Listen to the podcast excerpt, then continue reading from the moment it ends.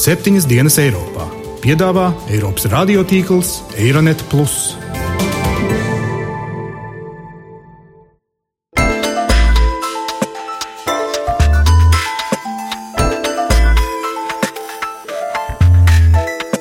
Šonadēļ septiņas dienas Eiropā dzirdēsim. Amerikas prezidenta vēlēšanas ir ļoti nopietns politisks notikums. Amerikas politika pret Baltijas valstīm nemainīsies. Vienīgais nopietnais kandidāts ir Hillary Clinton, un tas nav labi.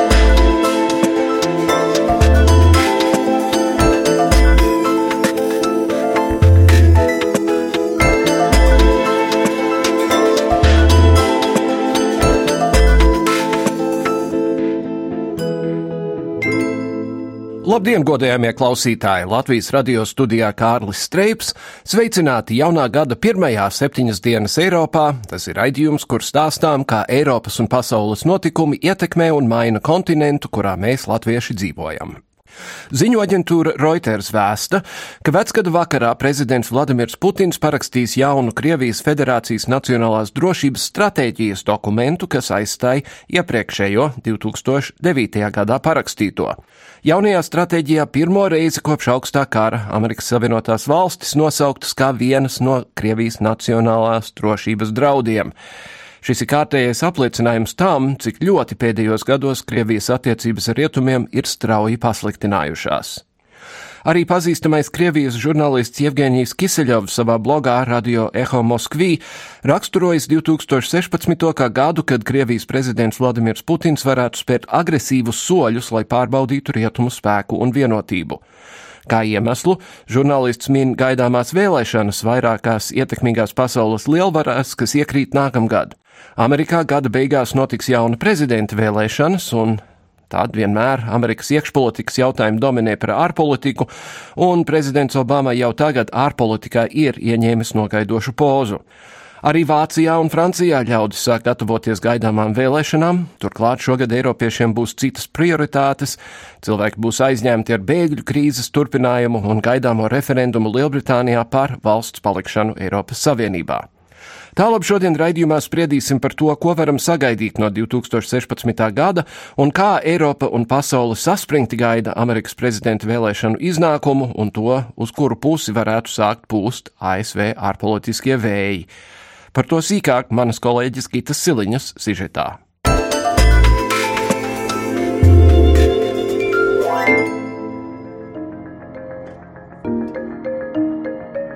Pašlaik, kad līdz ASV prezidenta vēlēšanām atlikušais laiks mērāms vairs tikai mēnešos, turpinās aktīva priekšvēlēšanu kampaņa. Saskaņā ar likumu esošais prezidents Baraks Obama nevar tikt izvirzīts trešajam termiņam, taču prezidenta amatam ir iezīmējušies divi spilgti kandidāti. No republikāņiem ASV nekustamo īpašumu magnāts Donalds Trumps un no demokrātiem bijusī valsts sekretāre Hillary Clintone. Tik piesauktas arī bijušā ASV Floridas štata gubernatora Džeba Buša, ASV republikāņu senatora Marko Rubio un dažu citu kandidatūras. Savukārt ASV politikas vērotāji prezidenta priekšvēlēšanu kampaņu salīdzina gan ar sporta sacensībām, gan realitātes šovu, kur milzīga nozīme naudai un spējai nopirkt atpazīstamību. Tiek uzsvērta arī mēdīju lielā loma, ar kuru līdzdalību šis notikums tiekot pārvērsts par ceļojošo realitātes šovu, jo ir cilvēki, kas visu šo notikumu izmanto tikai lai vairotu savu popularitāti. Tikmēr Bāraks Obama, kā uzskata analītiķi, ir krietni atslābinājies gaidot savas prezidentūras termiņa beigas un maz interesējas par startautisko politiku, atvēlot cīņu par Amerikas atgriešanos globālās līderes statusā nākamajam prezidentam. Ilinoisas Universitātes Čikāgā profesore politoloģe Rasma Šilde Kārkliņa Latvijas Rādio viens raidījumā krustpunkti šo procesu nosauca par uztraucošu par to es ļoti noraizēsies, jo savā ziņā tomēr skaidrs, ka Amerikas prezidenta vēlēšanas ir ļoti nopietnas politisks notikums. Un ja viņš izvēršās pa tādu vairāk it kā tikai izrādi un nenopietni, pirmkārt daudzas nopietnos kandidātus nostuj malā izceļās tie, kas visvairāk tais joks, jeb kaut ko ļoti spēcīgi pasaka un bieži pilnīgi neadekvāti. Ne tikai Trumps, bet arī otrais spēcīgais kandidāts tāds Sanders, nu pateica, Amerika esot tā kā Hitler, Vācija. Nu kaut kas tāds pasaka kaut ko absurdu, lai pievērs uzmanību, bet tas tomēr ļoti, manuprāt, diskreditē visu politisko procesu. Tā kā, manuprāt, vienīgais nopietnais kandidāts šobrīd ir Hillary Clinton, un tas nav labi, vajag tomēr kārtīgi vēlēšanas kampaņu. Rasma Šilde Kārkliņa skaidroja, ka Klintone spēja arī sevi spilgti un pārliecinoši parādīt priekšvēlēšanu debatēs. Turklāt viņai ir spēcīga komanda, atbalsta sistēma un nauda. Tiek arī uzsvērts, ka Hilarijai Klintonai ir lielas izredzes kļūt par pirmo sievieti ASV prezidenti. Taču Klintone saņem arī apsūdzības, piemēram, privātā e-pasta konta izmantošanā, kas darīts, lai nosūtītu vai saņemtu klasificētu valsts informāciju, kamēr viņa bija valsts sekretāra amatā. Apsūdzības viņa, protams, noliedz. Pirmajās Demokrātu partijas prezidenta amata kandidātu debatēs vēl rudenī visasākā doma apmaiņa izvērsās starp tā brīža aptauju līderiem - Hillariju Klintoni un jau minēto senatoru Bērniju Sandersu. Klintone asi pauda nostāju nozīmīgākajos ārpolitikas jautājumos, piemēram, rosināja aktivizēt ASV centienus Sīrijas pilsoņu kara apturēšanai. Savukārt Sanders norādīja, ka neatbalsta sauszemes kara spēka nosūtīšanu uz konflikta zonu tuvajos austrumos.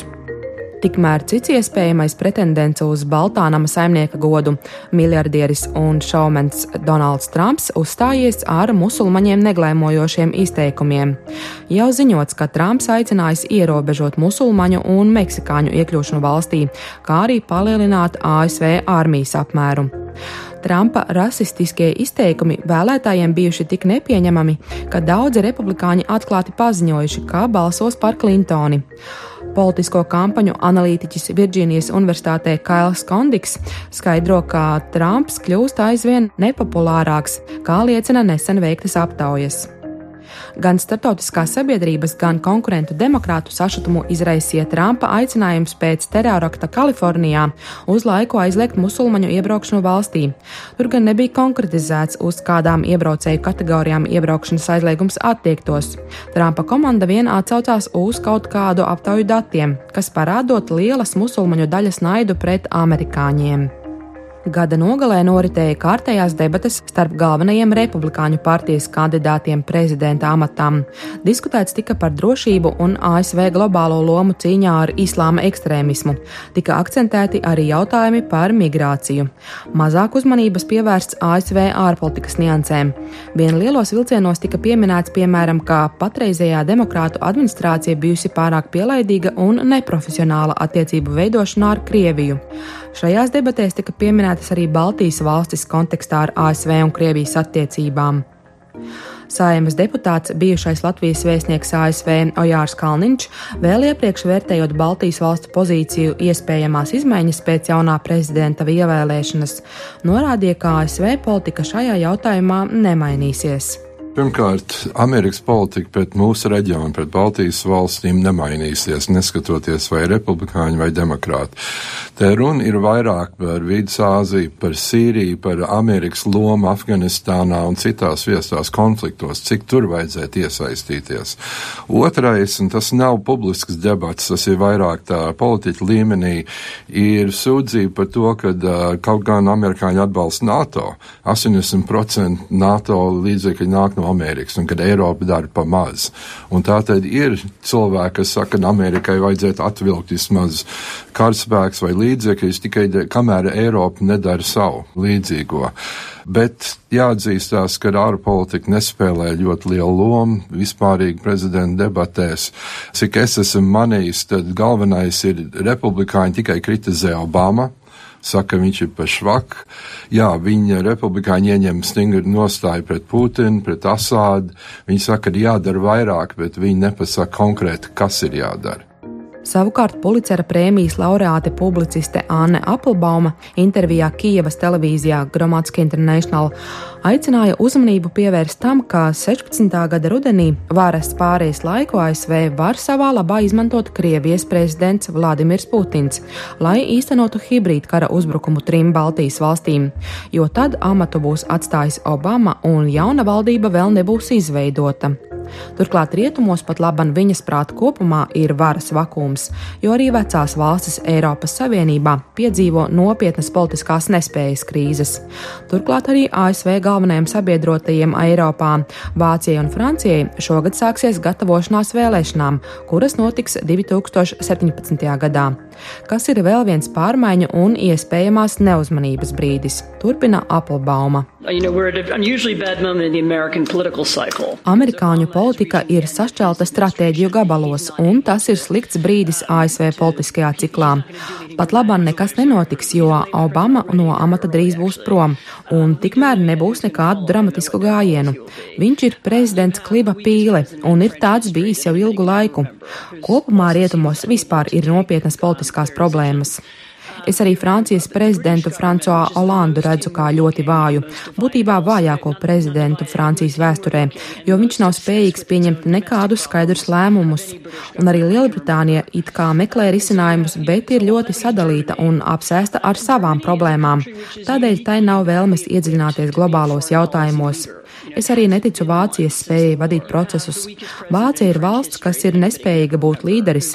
Tā tas ir jau kopš otrā pasaules kara. Kopš tā laika tā tikai pieņem norādījumus no Francijas, Lielbritānijas, ASV un NATO. Lai gan ekonomiski Vācija ir līderis, bet attiecībā uz ārpolitiku Vācija nedomā par sevi kā par līderi. Būtībā rietumu vadīšanā ir varas vakums. Um, and Germany is a country which is uniquely badly equipped to be a foreign policy leader. You know, it hasn't been one since the war. It's ta- it's always taken its lead, you know, from Britain and France or from the United States or from NATO or from the EU. 2015. gads mūs atstāja ar gana daudz bagāžas, ar kādiem notikumiem ceļa somā speram soli jaunajā gadā, kā šie notikumi attīstīsies un kādus jaunus pavērsienus varam šogad gaidīt. Skatāmies uz gadu, kas mums priekšā kopā ar Delfi žurnālistu Filipu Lastovski. Labdien! Labdien! Un Latvijas avīzes ārzemju ziņu redaktoru Valdi Bērziņu. Labdien! Labdien. Filips, sāksim ar iekšpolitiku. Acīm redzot, pirmās dienas galvenais temats ir tas, ka politiķi tā arī nav īsti varējuši nonākt pie jaunas valdības nopūta un. Nav jau atbildes uz to īsti, man ļoti patīk Vairs Vīķis Freibergs pēdējās arī atziņas par to, kā tā ir tāda kā muļāšanās, un tur grūti ir izli, izdarīt šobrīd racionāls spriedums. Protams, mēs varam sadalīt koalīcijā spēkus, pāris spēku sadalījumu un pateikt, ka jā, visticamāk vienotībai būs premjers, un tā šobrīd arī izskatās, taču kontrolas zaļzemniekiem un nacionāliem ir tik liela, bet pateikt, kurš būs aizvien ir tas nebūtu ne politologs, ne žurnālists, man liekas, cienījams darbs, ja tā ir vienkārši ļoti zīlēšana kafejā. Manuprāt, tie rādītāji, kas šobrīd ir, nu, tas būs vienotības cilvēks. Bet kāda jēga ir no, no parlamenta kurš, kur, un koalīcijas, kur pat tik daudz nevar kā atrast premjerministra kandidātu? Un kāda vaina ir, ir ar mūsu politiķiem, kuri nemēģina paši kļūt par premjerministru, kā tas ir jebkurā normālā valstī? Nu, Atbilde varbūt ir pēdējos 25 gados, un tajā, ka latvieši kā tādi ir vīlušies demokrātijā. Mēs 25 gadus muļājamies, mums 25 gadus pēc kārtas ir bijušas līdzīgas ideoloģiski ievirzes partijas, kuras ir vienotiem mērķiem virzīties rietumu virzienā, taču paralēli viņas nav spējušas sev pierādīt kā spēcīgas sadarbības partneru koalīcijas ietvarā. Un kā jēga, nu, man, man grūti atbildēt uz jautājumu. Sakiet, Bērziņkungs, ja mēs jautājam par to, kas šajā gadā notiks ārpolitikā, es domāju, ka mēs varētu runāt nākamās trīs nedēļas un visu neizrunāt, bet eh, kas, kas būs, kas jūsuprāt, galvenais Latvijai? Jā, varbūt pie tā pirmā jautājuma mēdz teikt, ka all politics is local. Jā, visa politika ir vietējā. Mm. Un tas, kas notiek Latvijas iekšpolitikā, lielā mērā noteiks arī Latvijas ārpolitiku. Un kuries Eiropas Savienība, es esmu ļoti vīlies par Eiropas Savienības mazspēju, kur it kā ir amatos daudz, it kā gudru, augstu skolotu un labi apmaksātu cilvēku, bet tur, kur ir Eiropas Savienība šobrīd, tā ir katastrofa.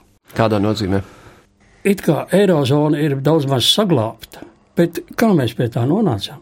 Nu, tika pārkāptas vienošanās šī 3% budžeta iztrūkuma robeža, ko pārkāp gan Francija. Daudzi gadus, manuprāt, arī šobrīd Francijas budžeta iztrūkums pārsniedz 3%, un ekonomikas atvesļošanās pazīmes nav manāmas.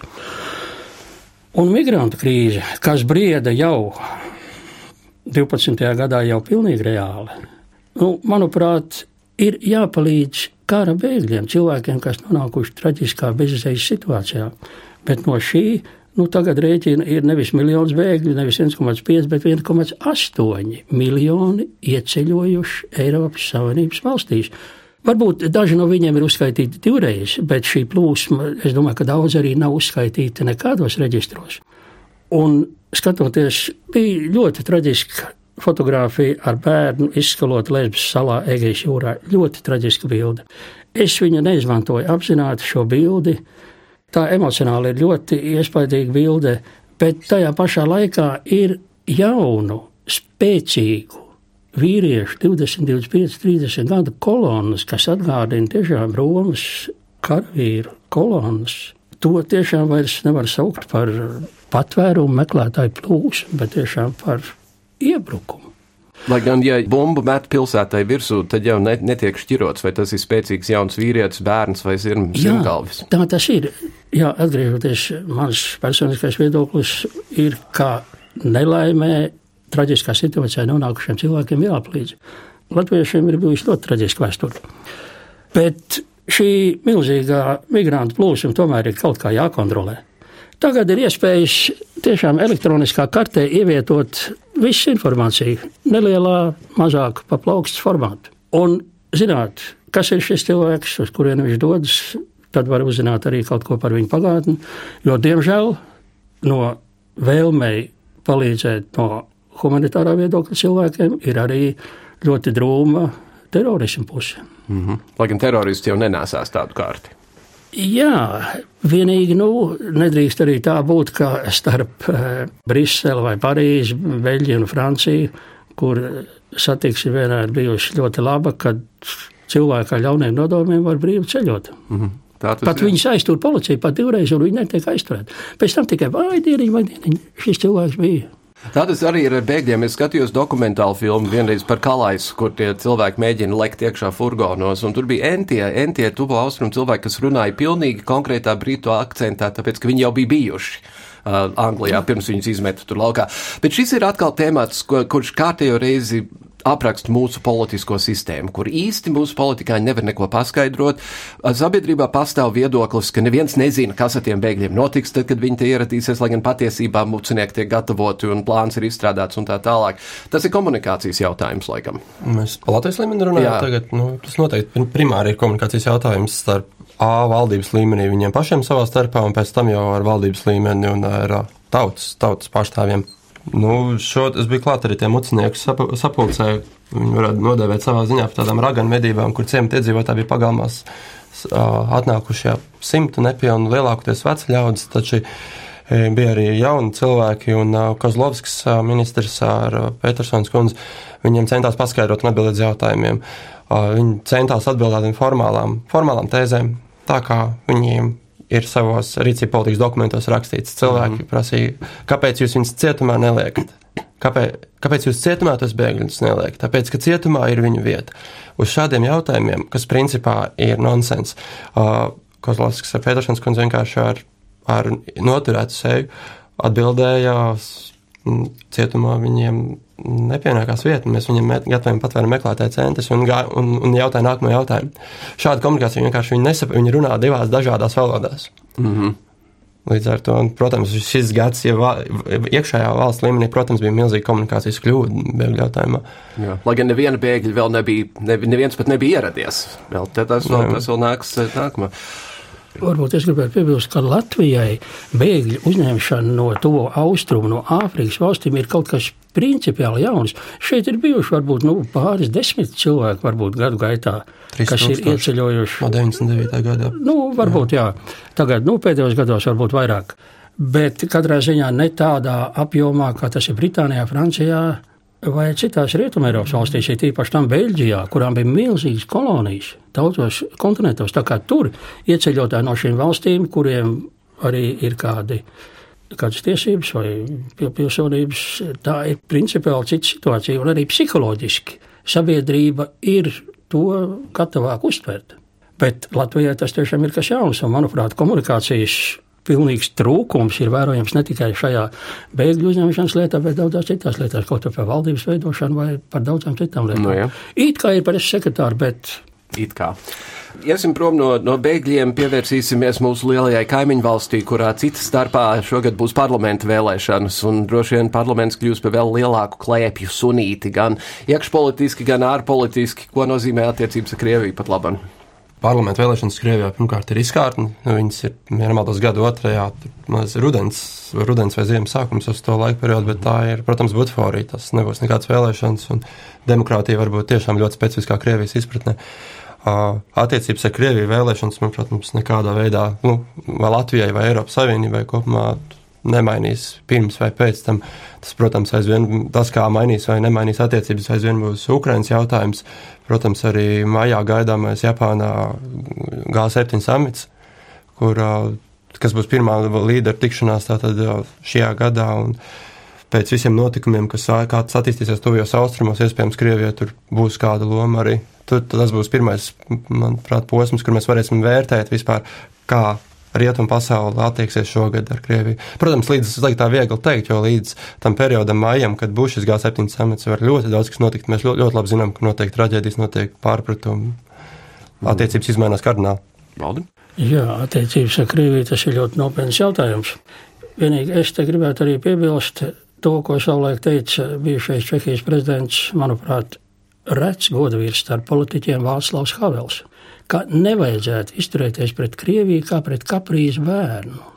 Vajadzētu no Krievijas prasīt tādu pašu politisko atbildību, un, ja tā uzskata sev par demokrātisku un civilizētu valsti, tad starptautisko likumu un arī cilvēktiesību ievērošanu, ko Krievija pēdējos divos gados pēc Krimas aneksijas ir apzināti nekaunīgi samīdījusi kājām. Ne jau tikai tā, Grūzija, iebrukums Grūzijā. Jā, tas sākās, sākās jau 2008. gadā. Jā, tā kā, protams, bija jau precedenti, tā kā, bet, nu, tik varbūt brutāli un arī ar daudziem upuriem, kā tas notika Austrum Ukrainā, nu, tiešām grūti iedomāties, ir tīpaši starp tautām, kuru Kremlis ir gadu desmitiem teicis, ka no tās ir vistuvākās tautas Ukraiņa un Krievi. Ļoti skumji, ļoti skumji.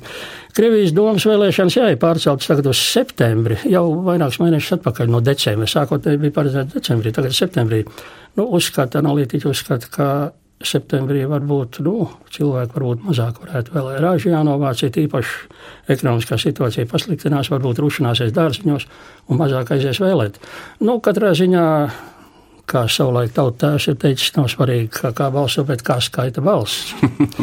Tā kā nu, uz vēlēšanām Krievijā, protams, rezultātiem cicēt, bet kas mani ļoti dara bažīgu un kas, manuprāt, ir ļoti bīstami, ka Krievu tauta, nu šobrīd rēķina 143 miljonu cilvēku, ir kā apmāta vismaz daļa tautas un arī daļa inteliģences, kas nosaka morālo un arī tomēr vispārējo tādu politiskās uzvedības klimatu valstī, opozīcijas vispār nav. Pārņemta ar impērijas atjaunošanu, ka nav svarīgi, ka mēs dzīvojam slikti. Mēs nevarēsim varbūt atļauties apģērbu, ēdienu, ārzemju ceļojumus tik daudz, bet mūs cienīs un no mums baidīsies pasaulē. Tas ir Krievija. Krievijas iedzīvotāji ir gatavi samierināties ar dzīves līmeņa kritumu Domāju, ka tāpēc, ja viņiem būs vairāk raķešu un kodolbumbu, tad viņas vairāk cienīs pasaulē. Mm -hmm. Man vienmēr ir licies, ka Krievija Absurdi. ir unikāls piemērs par, par savienotu lielumāniju un mazvērtības kompleksu. Jā, tas, tas ir jā. gandrīz vai psihotisks. Es parasti cenšos izvairīties no vārda unikāls, bet šis tiešām ir unikāls gadījums. Jā. Šajā kontekstā, protams, mums tiek stāstīts, ka šogad Latvijas bruņoto spēku budžets pieaugs diezgan ievērojami, un, un citās jomās nauda tika samazināta tā, lai tā varētu darīt. Un, protams, tā ir daļa no NATO prasībām un tā tālāk. Bet kā izskatās, cik, cik gatavi būs bruņotie spēki absorbēt to naudu, kas viņiem tagad tiek dota? Es ne, nevarēšu tā precīzi atbildēt. Nē, es arī iedzinājies viņu budžeta izlietojumā, konkrēti tādā Bet nu, skaidrs, ka kur mēs, mēs redzam komandierus intervijās televīzijā un ir, ja mēs runājam par zemesardzi, tad ir ļoti liels optimisms par to, ka jā, kopumā piešķirtie resursi nav pietiekami, taču to, ko, to, kas mums ir, to mēs nu, stiprināsim robežu, izmantosim, cik vien varēsim. Un tad atliks redzēt, kā tas notiks. Vai atkal būs uh, valsts pasūtījumi, kuri septiņus gadus iestrēgs tiesās, kā tas mēdz pie mums gadīties, tās robežas stiprināšanā un viss pārējais. Arī tā var gadīties. Nauda, protams, ir svarīga, bet pats galvenais, manuprāt, ir fiziski veseli izglītoti, apņēmīgi un motivēti cilvēki, kas ir gatavi aizstāvēt savu valsti. Mani priecē, ka tagad, nu pat pāris dienas atpakaļ bija ziņa, nu pagaidām letes ziņa, ka zemesārdzes operatīvajām vienībām tur vādu līmenī, gan nu, veci ir 20, 30 cilvēki, būs atļauts glabāt ieročus mājās. Protams, metāla kastē, bet mājās tas ir varbūt pāris soļu attālumā krīzes gadījumā. Nu, neteikšu, ka tas jau ir ceļš uz Šveices variantu, bet tomēr tuvināšanās. Un, manuprāt, valsts visdrošākais aizstāvis un drošības garants var būt vesela, izglītota un arī apbruņota tauta. Bet ne tā kā Amerikā. Nu, par Ameriku mums nākas runāt Jā. arī citā kontekstā. Proti, arī Amerikā šogad būs vēlēšanas, un raugās, ka ir stipri ticams, ka pēc pirmā afroamerikāņu prezidenta, kā nākamā būs pirmā sieviete, Amerikas Savienoto Valstu prezidenta. Latvijai droši vien nav, ir, ir, ir čorts vienalga, kurš ir Amerikas prezidents un, un otrādi. Liekas, ka nē. Ne? Noteikti, ja demokrāta pārstāvis varētu būt atbalstošāks. Protams, man, manuprāt, piemēram, NATO lielākā klātbūtne Austrumērāpā, nekā varētu teorētiski būt arī republikāns. Īpaši, ja mēs skatāmies to, kurš republikāns tas būs. Tas nebūs, visticamāk, Donalds Trumps, visticamāk, tas būs viens otrais. Tas, kurš otrais būs, mēs to nezinām. Viens no potenciāliem līderiem ir šis Teksas pārstāvis, kurš ir Teds Krus kurš ir reti konservatīvs, pat, pat savā republikāņu starp vidū. Ja mēs dabūjam šādu cilvēku, mēs īsti nevaram prognozēt, kāda būs, piemēram, ASV diplomātiskās, piemēram, soļi attiecībā pret Austrumēropas reģionu. Attiecībā pret Hillary Clintonu, nu, tur, tur ir skaidrs, ka nekas nemainīsies tādos lielās virzien, lielos virzienos, nekas nemainīsies, kā ir bijis līdz šim ar Baracku Obamu. Jā, un Hillary mums taču ir draudzene. Hillary pie mums bija ciemos mm.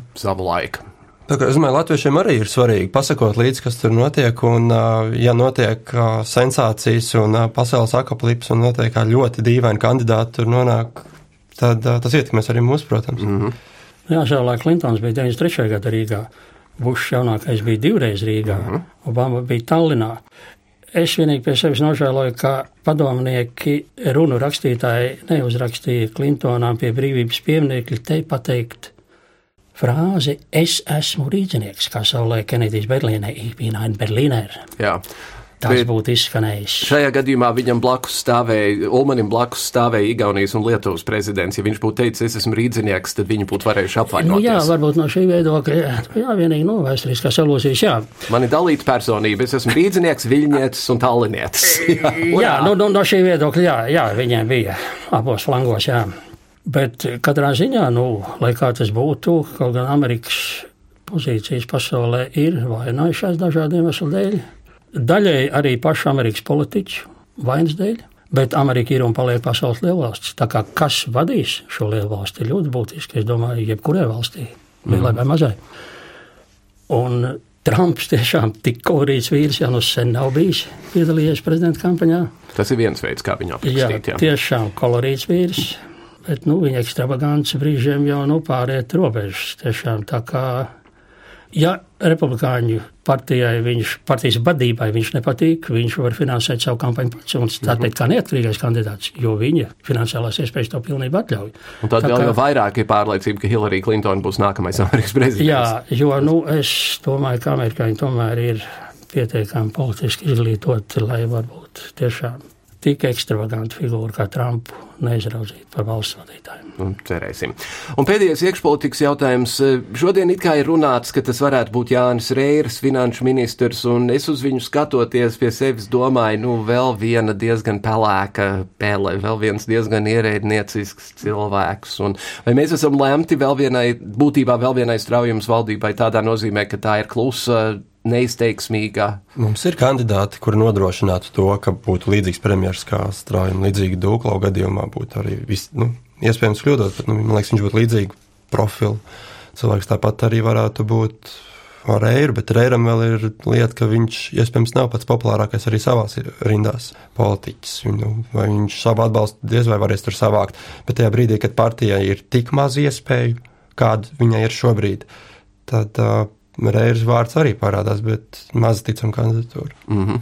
Vienotība būs vēl vienotība nākamajās saimnes vēlēšanās. Mēs atceramies, kas notika Latvijas ceļā. Un ar tautas partiju. Jā, līdz ar to daudzi paredz Un daudzi loģiski soļi arī norāda to, ka nu, vienotībai ir līdzīgi, līdzīgs ceļš iet, ja viņi, viņi nespēj sev ļoti kardināli reformēt, un šobrīd nekas nenorāda, ka partija var sev reformēt. Iespējams, ka viņi var palikt nākamajās vēlēšanās un knapi pārvarēt 5%, vai varbūt pat viņi nākamgad izsajūg, frakcija var sadalīties, mm. var izvietoties dažādi spēki. Ja viņi spējas reformēties, viņi būs arī nākamajās vēlēšanās, bet ja viņi to nedarīs, viņi var jau sajūgt frakcijā nākamgad. Nu, šogad tas ir. Un savukārt ārpolitiski droši vien vienīgais, ko mēs varam ar lielu pārliecību teikt par šo nākamo gadu, ir, ka būs interesanti. Jā, politiķiem, manuprāt, nebūtu e, vajadzīgāka īpašība nav skaļums un izrādīšanās. Tad jau mēs varētu ar to kaimiņu izraudzīt par premjerministru, tagad neatkarīgo kandidātu. Tad būtu skaļums, izrādīšanās un vēl šis tas. Līdzīgi Trumpam. Jā, bet formulēt viedokli un neteikt, es biju tur, es biju tur, es nezinu, kad ir padomnieku komanda, kuriem ir jāsniedz pilnīga informācija un nevar iziet preses konferencē, nesagatavojies. Labi zinot, kad, kādi jautājumi tiks uzdoti. Mm -hmm. Jo to pamanā arī ārpolitiski. Katrā ziņā, katrā ziņā, jā, es varu tikai atkal pateikt, jā, ka visa politika ir vietējā. Un dzīvosim, redzēsim un baudīsim. Filips Lastovskis no Delfiem un Valdis Bērziņš no Latvijas avīzes. Paldies jums abiem par sarunu. Un vēlreiz laimīgi jauno gadu. thank you Britu rakstnieces J.K. Rowlingas slavenajās Harija Potera grāmatās Burvis Dumidors pamāca Hariju. Sauc viņu par Voldemortu, vienmēr sauc lietas īstajos vārdos, bailes no kāda vārda tikai vairo bailes no paša priekšmeta. Mūsu vārds ir septiņas dienas Eiropā, mēs nebaidāmies no šī vārda. Atskatoties uz aizgājušo gadu, mēdīju eksperts Mārtiņš Kaprāns komentē, kura eiropieša vārdu pērn dzirdējām visbiežāk, un kura vārdu 2016. gadā vēl noteikti bieži pieminēsim. Dzirdējām mēs pirmkārt politiķu vārdus, lielvalstu, Eiropas Savienības lielvalstu politiķu vārds Merkele, Olāns, protams, bet tas ir saistīts ar lielajiem globālajiem notikumiem, kā migrācijas un bēgļu jautājums gada pirmajā pusē, protams, Grieķijas ekonomiskā krīze un, un līdz ar to ar to visu izrietošās problēmas, kur bija Vācija svarīgu lomu spēlēja. Tā kā divu lielvalstu līderi bija acīm redzami pirmajās fronts līnijās un bija vispamanāmākie Bet jau, jau uz priekšdienām skatās, teikt, ka nekas īpaši daudz nemainīsies, protams, jo tas pašs problēmas ir īpaši attiecībā uz bēgļiem būs arī aktuāls šogad. Gal galā šogad viņas arī skars lielā mērā tās augstās Austrum Eiropas valsts, bet es teiktu, ka ļoti iespējams, ka viena jauna vai mazāk pamanīta pagājušajā gadā, lai gan arī pamanīts vārds būs uh, Deivs Kamerons. Lielbritānijas premjerministrs, jo pirmkārt eh, ļoti liela varbūtība ir, ka šogad, nevis nākamgad, kā bija sākotnēji paredzēts, notiks referendums Lielbritānijā par palikšanu vai nepalikšanu Eiropas Savienībā. Tas ir viens. Otrs, protams, Kamerūns ir svarīgs arī spēlētājs kopumā ģeopolitiski un, eh, piemēram, ir viens ļoti svarīgs notikums nākamā gada rudenī gaidāms, kas ir ASV prezidenta vēlēšanas, kas lielā mērā varētu izcelt vai ne, neizcelt kaut kāds vārds. Jo, ja teorētiski uzvar Donalds Trumps, populists absolūtākais, tas, protams, radīs atbalstu Eiropā neizbēgam un arī Eiropas populistus padarīs skaļākus. Bet, nu, tas ir pie teorētiski un pie varbūtības, ja uzvar. Bet eh, šie vārdi un, teiksim, eh, ja Amerikas vēlēšana rezultātiem varētu arī būt diezgan atkarīgs, kādi vārdi mums te kļūs aktuāli gada otrajā pusē. Tā kā tas ir vēl viens, bet uh, es teiktu, ka primāri tie galvenie spēlētāji, ja mēs vienīgi vēl pie Eiropiešiem pieskatam arī Vladimiru Putinu, protams, būs tie paši, kas ir šogad bijuši, jo nekāda no, tiem, no tām problēmām, kas bijušas aktuāls pagājušajā gadā, viņas jau nepazudīs, viņas būs tieši tādas pašas. Vienīgais, nu, piemēram, Grieķijas ekonomiskās krīzes jautājums, protams, ir pazudis, bet ir daudz, daudz svarīgāk un nopietnāk jautājumi parādījušies dienas kārtībā, kā vispār Eiropas Savienības nākotne kā tāda. Ar to arī izskan šis pirmais šī gada raidījums septiņas dienas Eiropā. Nu, dien, nu, dien, nākamais būs ļoti, ļoti interesants gads. Cerēsim, ka vairāk pozitīvā nekā negatīvā nozīmē. Paldies, dāmas un kungi, ka šodien klausījāties līdz nākamajai reizei. Visu labu!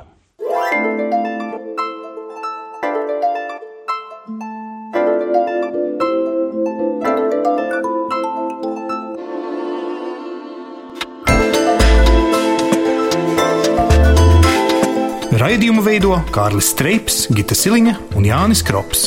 Producents Lukas Rozītis.